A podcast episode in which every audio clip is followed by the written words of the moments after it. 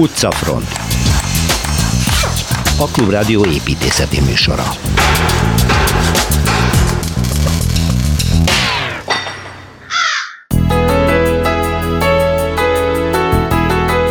Albero Bello tündéri kisváros Dél-Olaszországban gyorsan lebontható középkori házikókkal. Szilveszter Ádám soron következő városnézése. Rót Miksa műhelyháza a Nefelejts utcában Kelecsényi Kristóf építésztörténésszel járjuk be a ma már múzeumként működő épületet. Zuglói Zsóca, ott pedig a Malonyai villa, ez egy újabb mesélő ház Szuhai Barbara előadásában. Csodálatos belső udvar, szinte alborétumnak beillő növényzettel, az egykori bankárcsalád háza az Üllői úton Pest-Buda egyesítésének évében készült, tehát éppen 150 éve. A Képtér blokk szerzője Fonyódi Anita mutatja be nekünk. Utcamostra a Torma Tamással, ezúttal ismét a Pesti oldalra látogatunk, mégpedig a Reál Tanoda utcába. Árverezik a Lánchíd régi kandellábereit, a részletekről Kozár Alexandra beszél.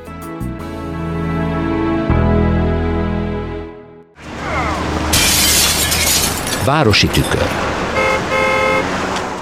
Dél-Olaszországban vándorolunk el, utikalazzunk Szilveszter Ádám természetesen megint, Szerbusz Ádám. Szerbusz Péter. És a nagyon különleges helyre viszel Albero Bello. Egyszer Albert. már szó volt róla, Kozár Alexander egyszer megpendített, hogy nagyon érdekes kis épületekből áll ez az Albero Igen. Bello, ilyen kis csúcsos kerek házis, házak. Igen. Különleges Igen. történetük van. Hogy, egész Építészetileg is érdekes? Hát építészetileg érdekes inkább építéstechnikailag érdekes, mert? meg történet meg. Hát mert nem, nem egy nagy az egy, nem egy nagy ez, ez egy termélytároló épület volt valaha. Igen. Én egyébként ezt, hogy Albero Bello 1958 nyarán hallottam, uh-huh. akkor éppen apámmal olasz tanultunk, tehát már tudtam, hogy, hogy, hogy milyen hangok mit, mit jelentenek. Úgy szólt a dal, amit, ami díjat is nyert Sanremo, hogy Sotto i trulli di Albero Bello. No. Az a Itrulli, azt tudtam, hogy egy többes számban levő főnév, méghozzá hímnemű. Tehát az Il Trullo. Mi az a Trullo? Na. Na most ez egy kedves dal volt, és, és, és ma is emlékszünk rá, háromnegyedes taktusban egy ilyen váltszerszerű dolog volt, abszolút ilyen lágy. Fülbe mászó. Soft, fülbe, de dalmas volt, tehát nem lehetett elfelejteni. És akkor sokáig úgy éltem, hogy, hogy Albero Bello és, és a Trullo az egy összefüggés. Még aztán rá megtudtam, mert láttam képeket, hogy ez egy nagyon furcsa település, ahol rengeteg ilyen, ilyen lefelé fordított vödörre emlékeztető, vagy csúcsba végződő, kőből épült építmény van. Uh-huh.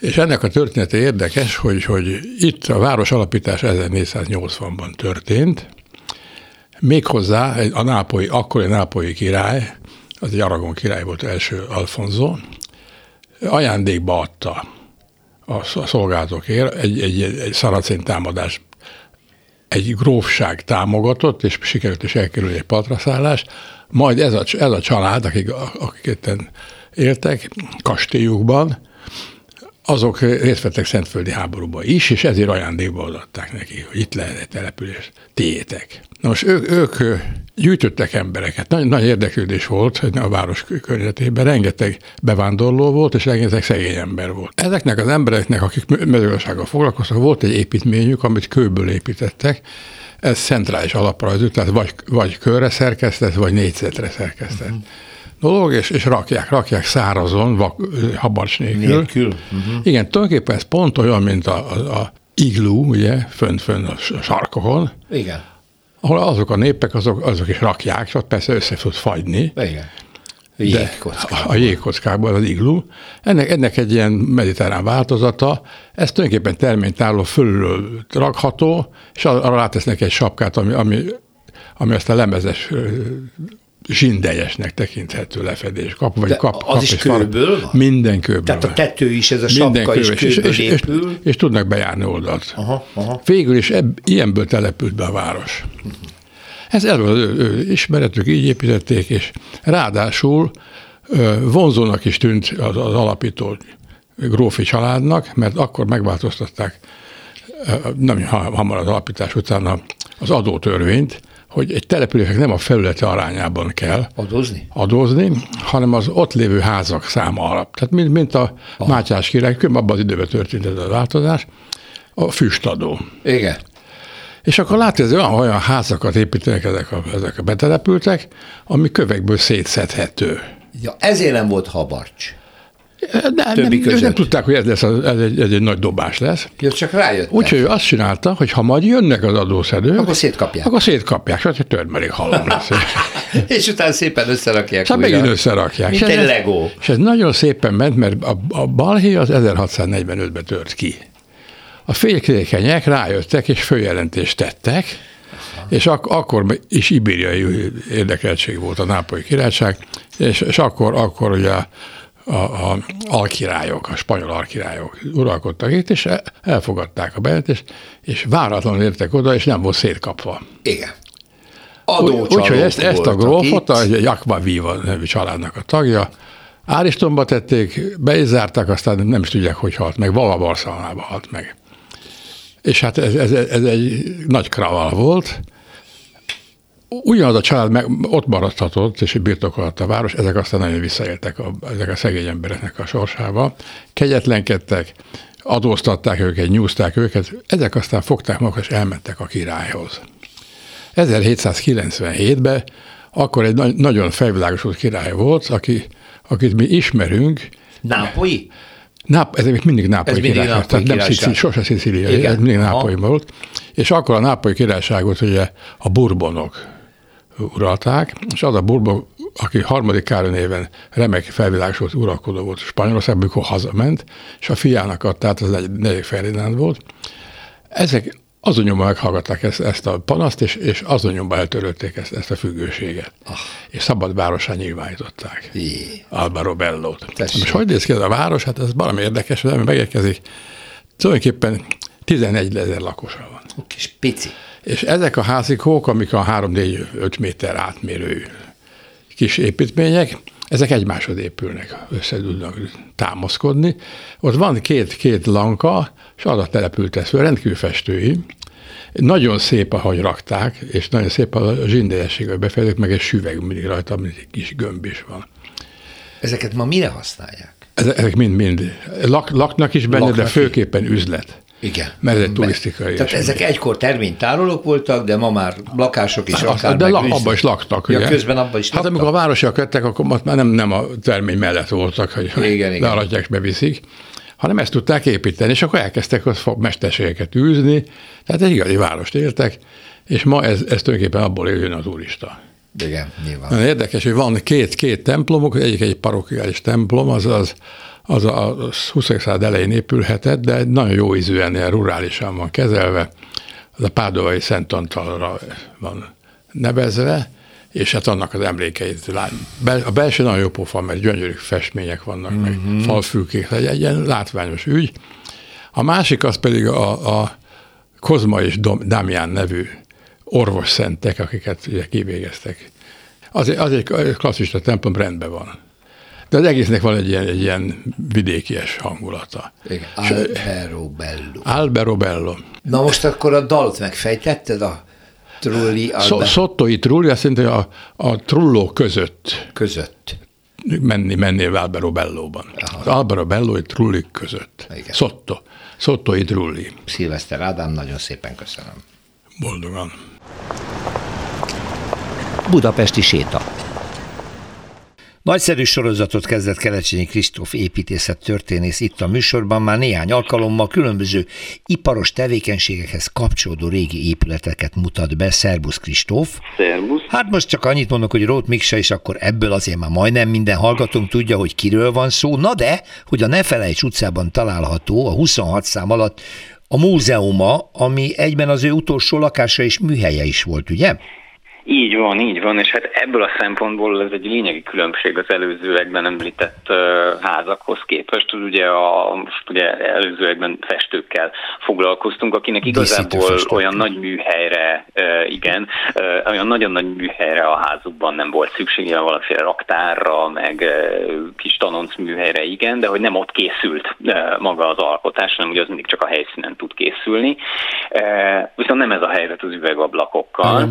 és ugye a, a, a Rótról, hát ugye Rót Miksa gyakorlatilag ugye az édesapja nyomdokain az 1880-as évektől fogva ugye jelen van a, a, a budapesti, meg a, egyébként az országos építkezésekben is, és ugye ő ezt a házat egyébként, ahogy mondtad, ugye élete utolsó műhely, ugye 1911-ben vásárolja meg uh-huh. ezt a Nefelejts utcai házat, ami egyébként egy korábbi iparostól veszi meg, és ugye a, a, a háznak az udvarán építetik ki az ő műhelyét, ugye azért neki ehhez a tevékenységhez, ugye hát, hogy más nem mondjak, sok fényre volt szükség, sok természetes fényre, nem mesterségesre, és ehhez egyébként ugye a jó, jó nevű Pec Samut kéri fel arra, hogy ezt az egész épület együttes, tehát az otthonát és a műhelyt, azt átalakítsa és kiépítse oly módon, hogy az, az neki abszolút mértékben hasznára váljon.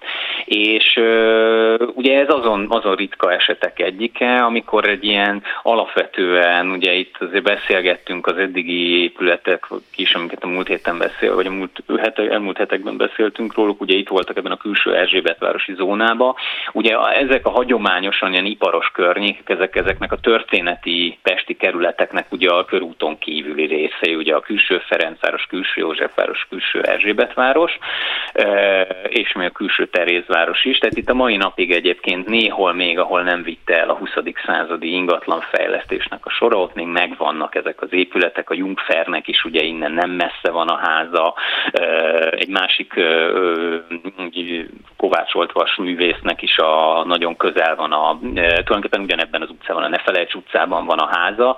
Tehát ezek, ezek az épületek, ezek a kis gyakran, ugye nem, nem, nem hatalmas bérházakként megjelenő, hanem általában egyemeletes épületek, ezek, ezek ugye akkor tudtak főként megmaradni egy kis szerencsével, illetve akkor, hogyha ilyen nagy nevekhez kötődtek. Igen. És a Hálégnek ugye a Rótmiksa háznak is ez volt a sorsa, e, és hát ugye a, a, azt azért vegyük figyelembe, hogy azért az ő nagyon-nagyon ismert művei azok az épületekben, az országházban, királyi palotában, e, egyéb helyeken, azok ugye nem itt készültek igazából, itt is készültek persze fontos e, munkái, de hogy, de hogy igazából, igazából ugye azok már, azok már korábban az ez, ezt megelőző Igen.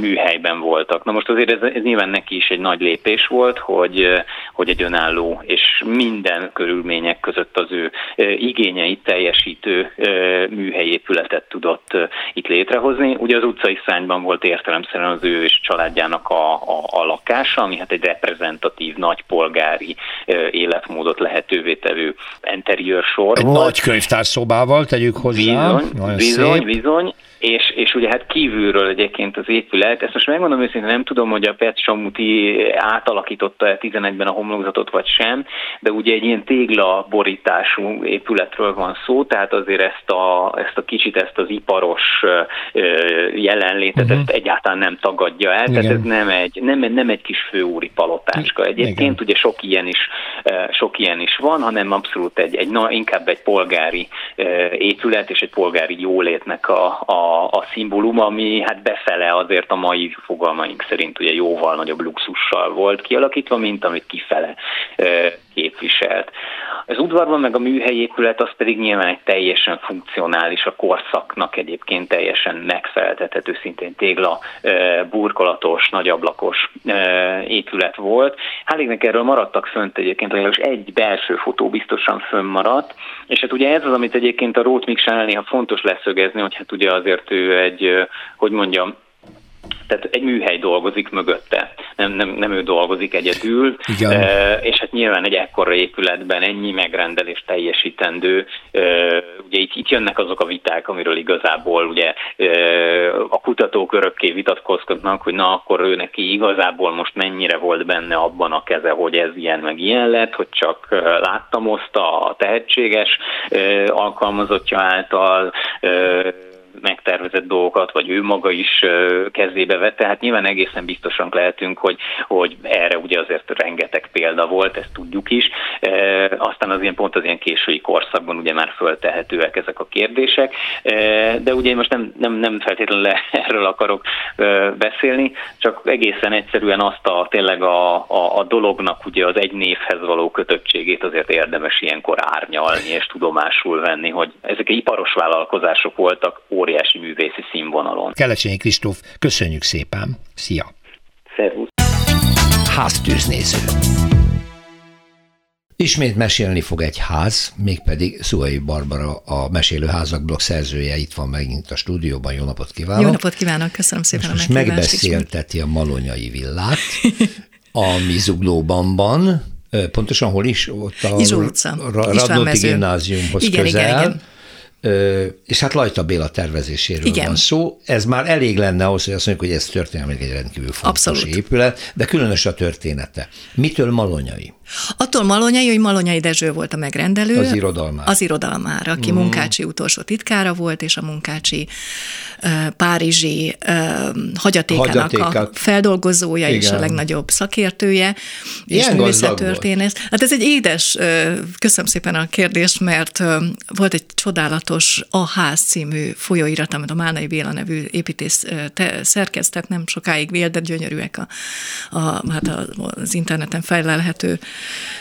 példányai, és ott volt egy ilyen nyílt beszélgetésük, hogy könnyű az egy Eszterházinak tervezni, de próbálna egy magyar írónak tervezni, és akkor a Lajta Béla nagyon szellemesen, ha megtalálom, pontosan tudom idézni, azt bírta válaszolni erre, hogy nyáron nem kell Svájcba menni, télen nem kell Egyiptomban kódorogni, spórolni kell.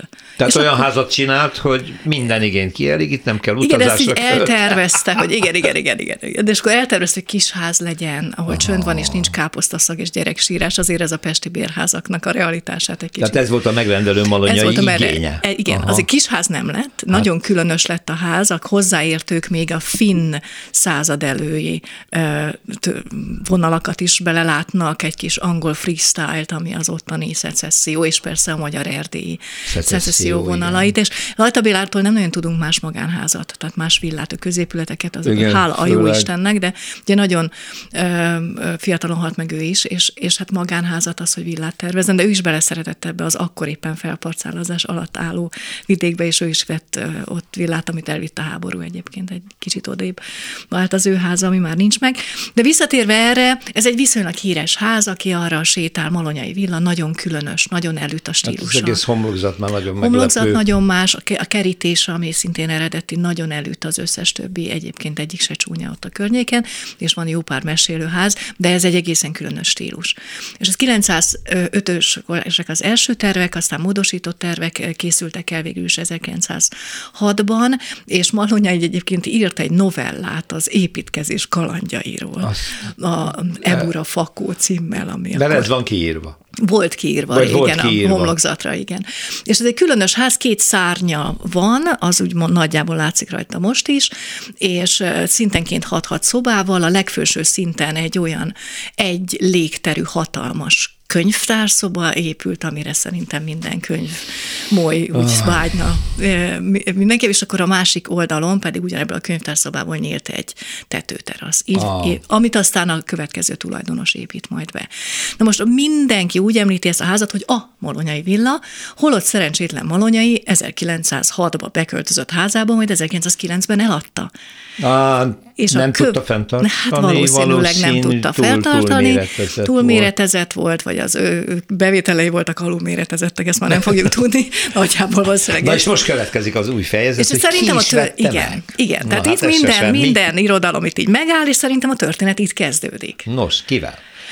Aki megvette, az eh, gróf Haller Györgyné született gróf Betlen Ilona volt, aki a későbbi magyar miniszterelnök Betlen Istvánnak a testvére volt. Testvére. Aha. Testvére volt. Ugye a Hallerek azt hiszem Nürnbergből származtak, és kerültek Magyarországra nagyon-nagyon régen, 15. 10, 1600-as évek.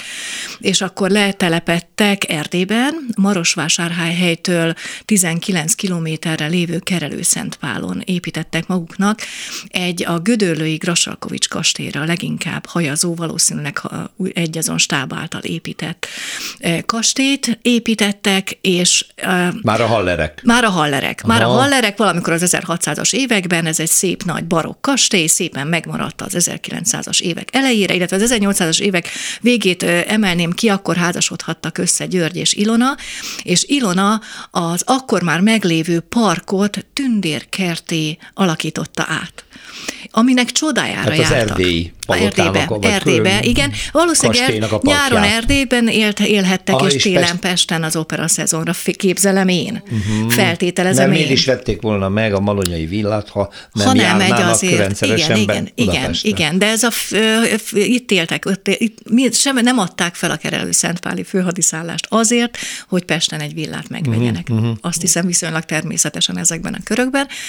És azért emelem ki ezt a tündérkertet, mert azért a manapság sajnos nincs olyan sok magánpark Magyarországon, hogy mindegyiknek csodájára járunk. Ha már nem hoz pénzt, most kiraknám, de ugyan már. És Erdélyben, ahol ugye megmaradtak a, a nagyobb számban ezek a gyönyörű házak, azért fel lehet képzelni, hogy elképesztő mennyiségű, egy szebbnél szebb magánparkok voltak, és még akkor is, abban az erős versenyben is szóvá teszi a korabeli szakirodalom, meg az utazók, hogy a, az a tündérkert, ami Kerelőszentpálon épült ki, annak csodájára jártak. Egyébként a virágkora annak a kertenek, vannak a, leg, a legszebb időszaka, az a 30-as évek, amikor az Ilona már nem élt. Ő viszonylag fiatalon meghalt, és az volt az kívánsága, hogy dacára annak, hogy a hallereknek is és a betleneknek is volt ö, ö, temetkezési helye, őt legyenek kedvesek, az ő családja, és az ő parkjába temessék uh-huh. el, és ott készült egy szép síremlék 924-ben. Uh-huh. Tehát ott van a síremléke. Igen, hát aztán természetesen a, a háború őket is elérte, és a háború utáni kommunizmus ugye az erdélyi nemességet is hát megtépázta erősen.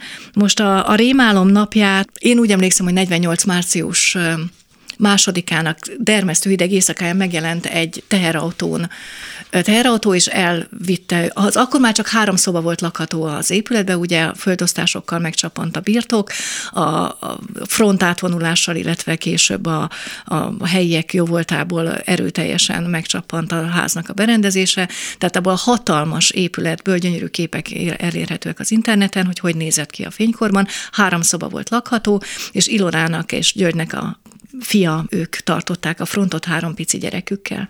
És megjelent a teherautó, elvitték őket Marosvásárhelyre, de két különböző helyre, a férfit egy emberi lakása teljesen alkalmatlan vizes pincébe dobták be, a, ami Erzsébet város nevű településre vitték az anyát, aki egy betongyárba dolgozott, 14 év múlva tudták ö, ö, újra össze találkozni, újra, és újra fércelni a családot. És ami hát Kerelőszentpállal történt, az valami egészen megrázó, teljesen lerombolták a kastélyt, a mai napon csak a külső falak állnak. Tényleg, és ott van egy rom? Ott van egy rom, a kémények és a külső falak, úgyhogy csont nélkül átvészelte a háborút. Leginkább kifosztották. A kertet beszántották, és ha ez még nem lett volna elég, egy román stahanovista traktorral beszántotta Ilona sírját, olyan hatékonyan, hogy amikor 93-ban a leszármazottak meg szerették volna keresni az Ilona földi maradványait, akkor ilyen földmozgató nagy gépeket kellett alkalmazniuk, hogy a csontokat, hogy a csontokat megtalálják. Hát ez elképesztő. De nem ez a történet vége. No. Az, hogy a 45 után ugye államosították a házat, a Betlen Ilona leszármazottjai voltak az utolsó tetten érhető 44-es népszámlálásokor az ő, ő tulajdonuk a ház, tehát nagy eséllyel tőlük vették el. 45-től az NSK nagykövetsége volt a ház, egészen 90-ig, 1990 óta ez az épület a román kultúra háza. Na most én kétlem, hogy a román kormány ne tudta volna ennek a háznak a történet. Azt el tudom képzelni, hogy az Antal kormánynak nem volt kapacitása utána nézni, mert ez nem volt egy közismert történet. A Betlen Ilona nevét így kitörölte az emlékezet, ez volt Malonyai villa volt, hát jó, ott volt a román követség a környéken, egyébként a sarkon odébb. Volt sokáig, azt hiszem már A francba ott jártam, és néztem ezt a különleges épületet, és én se értettem, hogy hogy került oda a román kultúra háza, ez egy hát a Béla épület volt, tehát szóval erről van szó. Erről van szó. Azt Ez nem lehet véletlen. Én ezt kizártnak tartom, ez... hogy ők ne tudták volna. Borzasztó szomorú állapotban van a ház számomra. Én amióta járkálok oda úgy öt éve, hát volt egy gyönyörű fa, egy gyönyörű szép fa, ami, ami ugyan sátorként. Na most azt kivágták. Azóta pusztaság van, rettentő igénytelen volt a legutolsó felújítás, de az is már omlik, az ereszt. Tehát nem szeretik, nem vigyáznak rá, és én csodálkozom, hogy egy ilyen kultúrtörténeti kincsetre miért nem Má, ugyan Mert kényes. Ezt is be akarná szántani, ha lenne Stahanovista a lelkes traktoros. Lehet, hogy már De reméljük, hogy nem készülődik már senki még egy ilyen barbárságra. Malonyai Villa Szuhai Barbara, megrázó volt a történet. Nagyon szépen köszönöm. Ez a ház mit, ez is nagyon súlyos történetet mesélt el, mint a mesélőházak többsége. Várom vissza, köszönöm. Nagyon szépen köszönöm a meghívást. Perspektíva. Buda után ismét Pest, az utca mustra helyszíne Torma Tamással. Szerbusz Tamás. Szerbusz Péter. Hát a Gőbaba után mondtad, hogy akkor most átmegyünk Pestre, Pesti Igen. oldalra, még pedig nagyon híres. A belvárosba. Reáltan oda utca. Hát Ennél már alig aztán... van belvárosabb belváros. belváros igen. Ennek megfelelően egy szűk egyirányú utca Utcáska. is. És Hát mivel kezdődik egy no. átjáróházzal, méghozzá az egyik legrégebbi környékbeli ház ez, az úgynevezett Ungerház, Unger, tehát az Asztóriától is át lehet jönni. Ez egy korai íbül, a romantikus korszakához sorolják. Aha. Nekik volt egy próbálkozásuk az ifjú Pollákkal, Pollák Ágostonnal, egy nagyon-nagyon, amikor még leginkább céhes logikában működtek, ők egy építész irodát Aha. hoztak össze, és ez, ez volt az első, de lehet, hogy utolsó együttmunkálkodásuk. Az Unger Kovács mester gazdagodott meg, ugyebár a valahai 60 kapunál vagyunk. Igen. Ott meggazdagodott hiszen jöttek a vásárosok, sokat kellett patkolni, kovácsolni, és ő úgy vásárolt, hogy megvett egy telket a városfalon belül. Belül? és megvett egyet kívül. Kívül is? Igen. Mert hogy itt húzódik és az egykori városfal, a Magyar utca. A Magyar utcában erről már korábban volt Igen. szó, de az Ungárházban konkrétan középen, középen húzódott át, tehát szintén egy láthatóan élelmes és ügyes üzletemberről is Igen, kifelé, befelé is Igen. működik. Ha bemegyünk, elég rossz állapotban van egyébként, már elég régóta, pár éve volt egy felújítási terv, de ezt végül is elég nagy volt az ellenkezés, és nem, nem vállalták.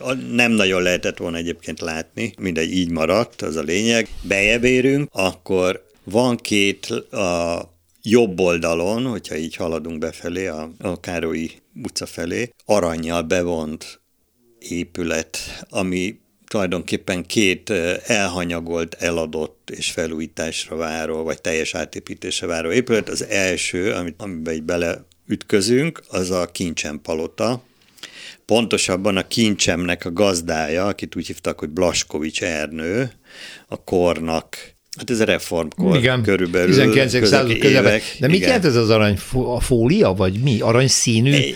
A tej aranyszínű csillogó, tehát olyan, mint egy ilyen Az van lett akarva, uh-huh, becsomagolta volna, lenne, igen. Rendkívül jól néz ki, tehát nyilván ott egyéb érdekek is meghúzódnak az aranyfólia mögött, tehát nyilván abból majd később valamilyen palota, irodaház, nem Valami tudom, mi lesz, valami, tehát fölújítják. Nyilván, de addig, amíg rom, addig addig ebben a ja, értem. Egyébként Aha. a városban több is van, tehát például a, azt hiszem Ferenci István utca, ami a Károly-kert mellett van, ott is van egy ilyen kis palotácska, uh-huh. szintén ebbe a Na, menjünk vissza a aranyba burkolva. Tehát kincsen palota, ezt egy bizonyos Bukovics Gyula tervezte, és ez már később, tehát 1878-ban vagyunk. Kincsem nem itt lakott, hanem a vidéki birtokon, uh-huh. tehát az állandó helye volt, onnan utazgatott, turnézott, Igen. mondjuk így. Igen. De azért itt is épült neki egy istáló, uh-huh. és nem régen, nem tudom én, talán lehet pont egy éve volt itt a, valakinek kiállítása, egy nagyon érdekes, mert egy ilyen Weiler Péter, ez valakinek mond ezenél valamit, egy ilyen retrós, de, de modern ö, képek a falon, ezekben a hát, hogy is mondjam, rom, romjaiban is gyönyörű terekben. Tehát Aha. maga a kastély, a lépcső, ami fölvezet az emeletre, a termek, amerikai filmeket itt elég gyakran ö, forgattak, tehát van olyan kifestés, amit az ember még valamikorinak hisz, de hát ez valójában valamelyik film uh-huh. érdekében festették ki. Uh-huh. És hátul pedig a, egy kis udvar, és hátul gazdasági épületek. Egyébként később ez a lottó nem úttörő áruház volt a túloldalon. A túloldalon. Az úttörő áruháznak volt valamilyen átjárokon keresztül a raktára. Uh-huh, annak használták. Uh-huh. Ami a és már akkor, igen. Aha, Tehát igen. Egy, egy éve még meg lehetett nézni az istálót, talán még egy jászol darabból, vagy miből lehetett fölismerni. Uh-huh. És akkor haladunk tovább, akkor elérünk a ötvös gimnáziumig, de az majd a következő Jó, az lesz a második szakasza, az a kiinduló pont lesz a második szakasza. Reáltanoda utcában leszünk. Jövő héten is Torma Tamással. Köszi. Én Várlak. is köszönöm. Utcafront. Budapest belvárosában járva sokszor nagyon nagy a meglepetés, amikor bemegyünk egy kapuajba, és egy egészen más világ tárul elénk. Van olyan belső udvar, hogy olyan kertje van, mintha egy algoritmusban járnánk, és vannak olyan belső udvarok, mint hogy egy egészen másik bolygóra kerültünk volna. Legutóbb, amit felfedeztem, a Képtér blog oldalán, Fonyodi Anita szerkesztette oldalon, az Üllői út 20, ami kívül... Szia Anita, végre itt vagy megint. Szia, Elég Péter, régen. és üdvözlöm a hallgatókat. Kívülről a homlokzat egy ilyen, hát egy ilyen átlagos klasszicista belvárosi vagy itt a fővárosi épület, ami mikor megépült, sem volt túlságosan nagy élet az Üllői útnak azon a részén, és most is egy szürke részen van. Belépünk, és valami egész elvarázsolt udvar. Mi ez a ház? Kié, hogy született, és mi minden történt ezzel?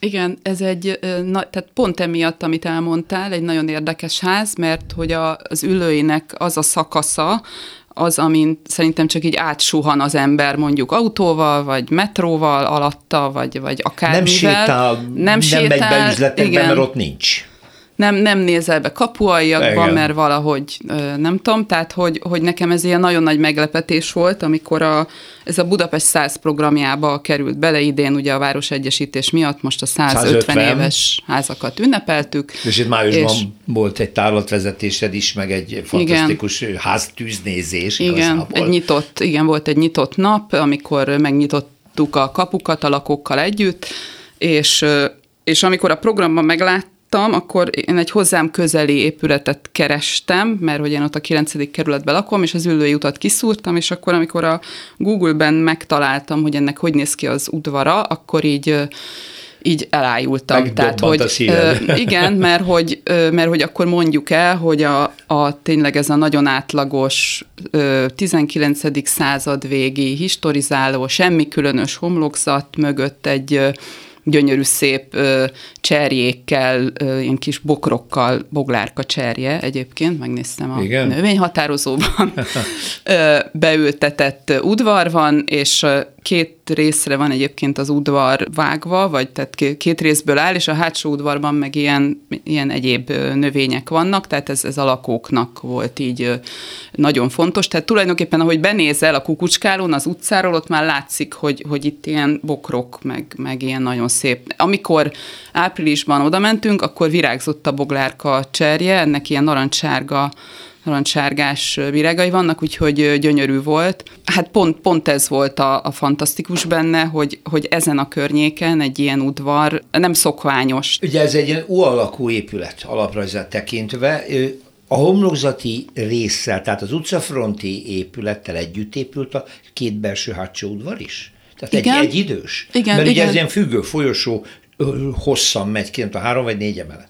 Három emelet, három, három. igen, és együtt épült abszolút a 2872-ben tervezte Wagner János Wagner. egyébként, mm-hmm. aki egy, egy nagyon aktív építész volt, de nyilván nem annyira ismert, vagy nem olyan sztár építész, mint mondjuk Ibül Miklós. De, de kapcsolatban egy, voltak. Abszolút, igen. Együtt is működtek, illetve több Ibülnek több épületét kivitelezte Aha, Wagner, uh-huh. és egyébként megtervezett is, például Persze. ezt az épületet is és ez 1872-ben volt, 73-ra épült fel a ház, és az egész igazából elkészült akkorra, és az is érdekes, hogy nem építettek rá, tehát nem, nem lett rá rajta negyedik emelet, nem lett a, mit tudom én, a tetőtér beépítve, tehát igazából hogy nagyjából a megrendelője ö, egy bankár volt, bankár. Szártori Frigyes Ödön, de Pesti Magyar Kereskedelmi Banknak volt az igazgatója, ahol egyébként 40 éves karriert tudhatott magáénak, nagyon hosszú. Alul kezdte, és Segédkönyvelőként kezdte. Igen,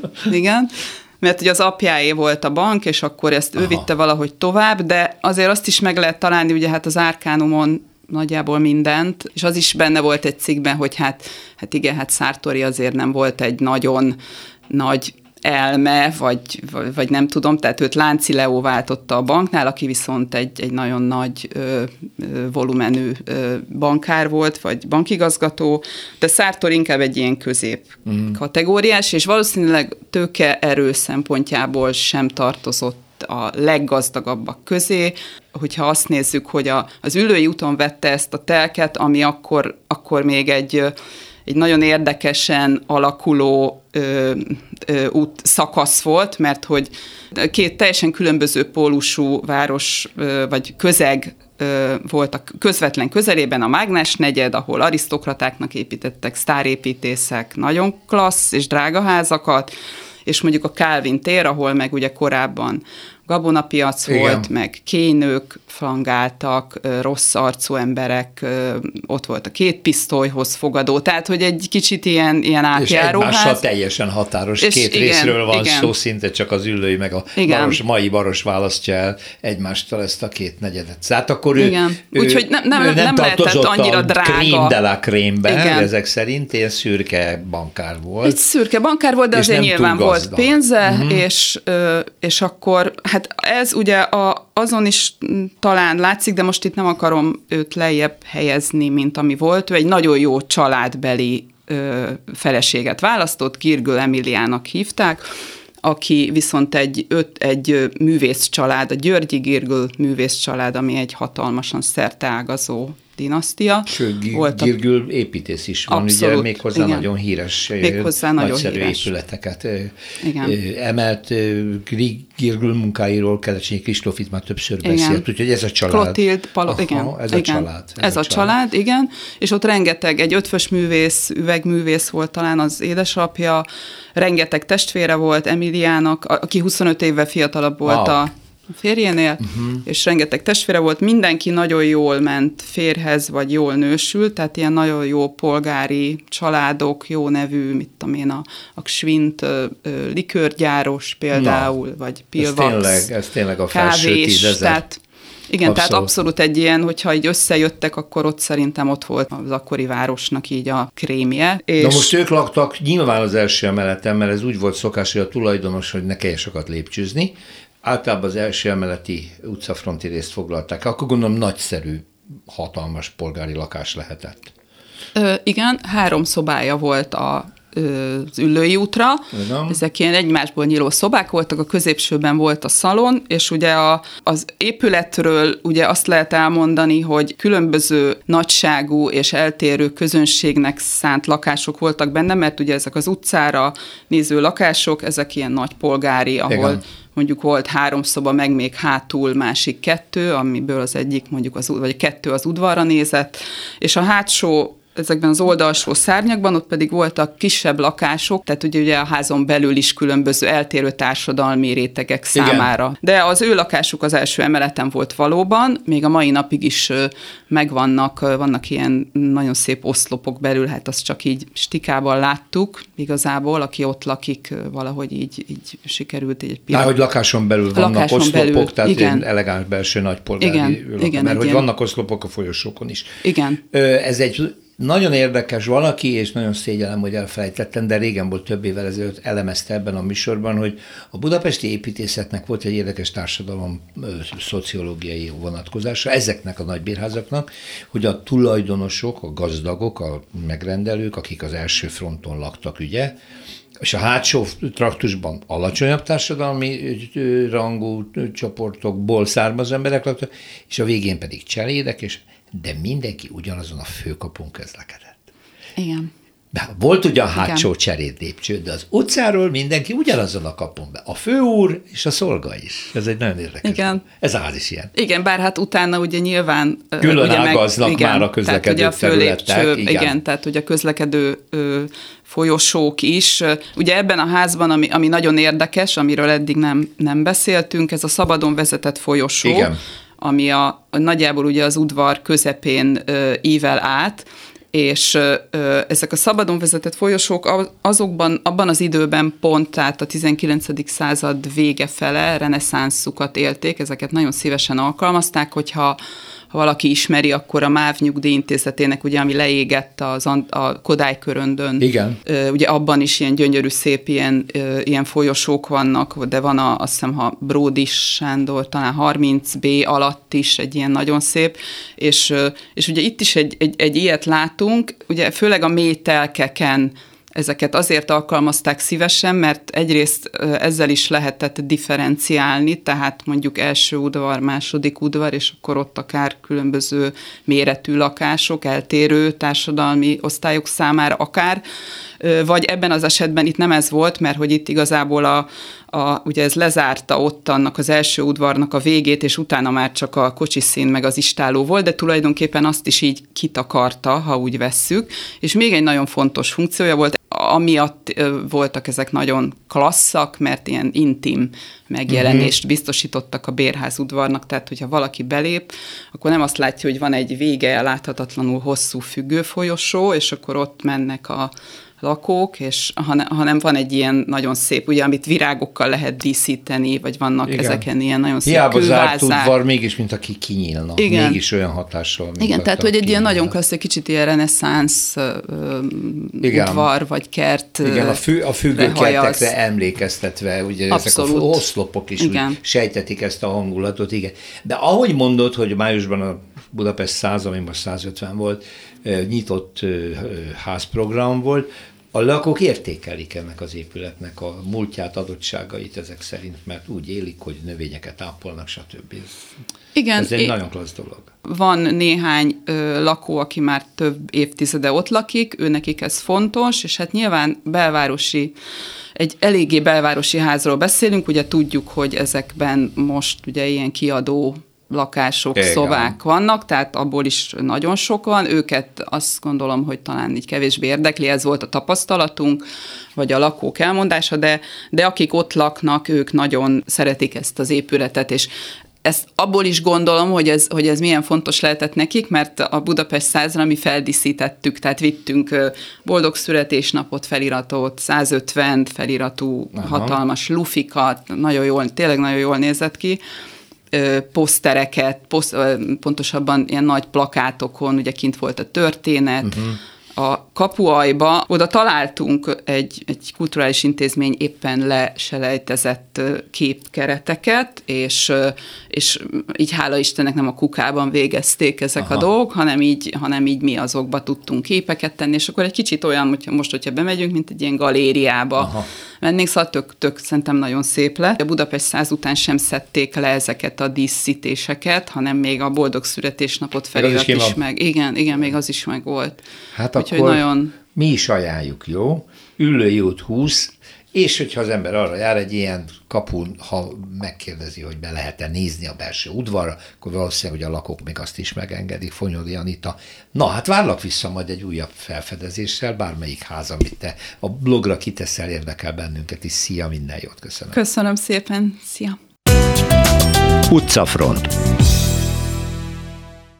árverése bocsátják az eredeti, Lánchíd eredeti kandellábereit, de hát ez nagyon érdekes, hogy ezek a kandeláberek mi mindent megértek. Erről fog beszélgetni Kozár Alexandrával. Szervusz, Alex! Szervusz, üdvözlöm a Nem hallgatók. mindegyiket, mert azt hiszem 14-et árvereznek el, de eredetileg több mint 50 darab volt a hídon, nem? Hát ez nagyon vicces ez az egész történet. Gyakorlatilag te is, én is, bármelyikünk hozzájuthat egy egykori kandeláberhez, hogyha Ó, hát más se hiányzik az hálószobámból. Egy de ilyen. ne viccelj, de ez, ez egy érték. Persze, persze nagyon jó lenne, ha a közgyűjtemények is vásárolnának. Egyébként nem tartom lehetetlennek, hogy egy-kettő már elkerült a, a közgyűjteményekbe, és csak a maradék. Tehát mm. az egyik forrás szerint úgy láttam, hogy csak a, a, a maradékot árverezi el a, a főváros, és nem is olyan drága, a legdrágább 1,1 millió forint, de 750 ezerért vagy 675 ezerért már leakaszthatsz egyet. Na most miért érdekes ez? Ugye hát a, a Láncid történetét jobbára ismerjük, itt Igen. minden volt, ugye szó szerint minden, és van a mai napig, ugye tudjuk, de hogy külön története van a világításnak, mert sosem volt elégséges. Tehát ö, az áthaladók, a lakosság, a közönség mindig panaszkodott, hogy nincs rendesen megvilágítva, nem jó. Uh-huh. Amikor ö, kezdték, ugye akkor először 16 olajlámpával kezdte a híd, aztán áttértek a gázvilágításra. Gázlámpára, igen. És csak 1915-től volt ö, teljesen elektromos világítás. De akkor, a, most aztán... akkor ezek a kandeláberek ugye három, három tagúak voltak, tehát három Igen. lámpafej volt rajtuk, ha jól Igen, emlékszem. Volt mert... három lámpafej, aztán volt, hogy visszatértek a, a, az egykarúra. Egykarúra. Igen, de három se világított rendesen. Uh-huh, értem. Tehát és akkor ugye 1945-ben, ugye, amikor a láncidat felrobbantották, megsemmisült teljesen. És akkor mindet akkor, újra gyártották. Igen, és hát itt van egy, egy nagyon vicces sztori, ami ugye jellemző kis hazánk történelmére, ugye 47 és 49 között zajlott a, a felújítás, felújítás, és mint ilyen a kandelábereké is. Na most, amikor megrendelték a kandelábereket, amíg a Kossuth címerrel rendelték meg őket, de igen ám, ami, amikor megtörtént maga az átadás 1949. novemberében, addigra már változott az ország címere. Ajjaj. És ugye szovjet mintára már megalkották a, a a népköztársasági címert, amit akár Rákosi címernek is hívtak, és hát ő már nem volt idő kicserélni. Gerő Ernő közlekedési miniszter avatta fel a hidat 49. november 20-án, ami egyébként pont a századik évfordulója volt a híd eredeti elkészültének, és hát a, a pillanokon rohammunkában még ki tudták cserélni, de a kandelábereken Maradt a kosut. A... Igen, mert vagy az lett volna a verzió, hogy az egészet újra gyártják, így ö, toldozgatva, fordozgatva nem lehetett volna kicserélni, de újra gyártani már nem, tud, nem tudták, és akkor végül is Gerő hozzájárult ahhoz, hogy hát jó, akkor... Ö, a kandelábereknek a homlokzatán maradhatott, de fent a pilonon ott díszelgett az óriási akkor, rákosi akkor, sokáig. Akkor maradjon. Igen. Igen. No, a... hát akkor most végül is melyiket árverezik? Az, a, na, és, a... na és na várjál, és akkor tulajdonképpen most a legutóbbi felújításnál most? felújításkor derült ki, hogy van négy óriási lámpa oszlop, ezeket nem árverezik el, hanem ezeket visszatették mert hogy kiderült időközben, hogy ezek bronzból készültek, de ezek nem sima kandeláberek, hanem ez a hídfőnek a négy óriási ö, Igen, a Pesti és Budai hídfőnél vannak ezek a nagyok. Tehát ezek visszakerülnek. Uh-huh. És ö, a, a kisebb, korábbi, ö, egyébként címeres ö, kandeláberekből lehet még, és majd augusztusban, augusztus elején lesz. De hát ez egy rendes szabályos árverés, le kell tenni azt hiszem 200 ezer forintot, hogy az ember komolyan gondolja tényleg, ez egy ilyen árverési összeg, amit nyilván visszakap, ha aztán nem ő lesz, és nyilván el is mennek az árak, tehát ez kikiáltási árak, amiről beszélünk, de, de olyan értelemben ö, ez egy vicces történet, hogy akkor tényleg akár te is hazavihetsz egyet, ö, és, és lehet egy darabod Budapestből. Az most más kérdés, hogy ez hogy ez elherdálása-e a közvagyonnak, vagy ilyetén módon találkozik Budapest története az egyéni sorsokkal, hát ezt mindenki döntse el maga. Jó, hát azért az kikiáltási árat tekintve elsősorban azt gondolom, hogy cégek fognak jelentkezni, amelyek esetleg a székházuk elé teszik mementóként, vagy valahol Na, egy, egy ilyen parkba helyezik el. tudok képzelni. Igen, igen. No, hát mi, mi nem fogunk versenyezni, de kíváncsiak vagyunk, hogy kik viszik el. Köszönöm szépen, Kozár Alexandra. Igen. Szervusz, minden jót. Szia. Szervusz, viszont hallásra.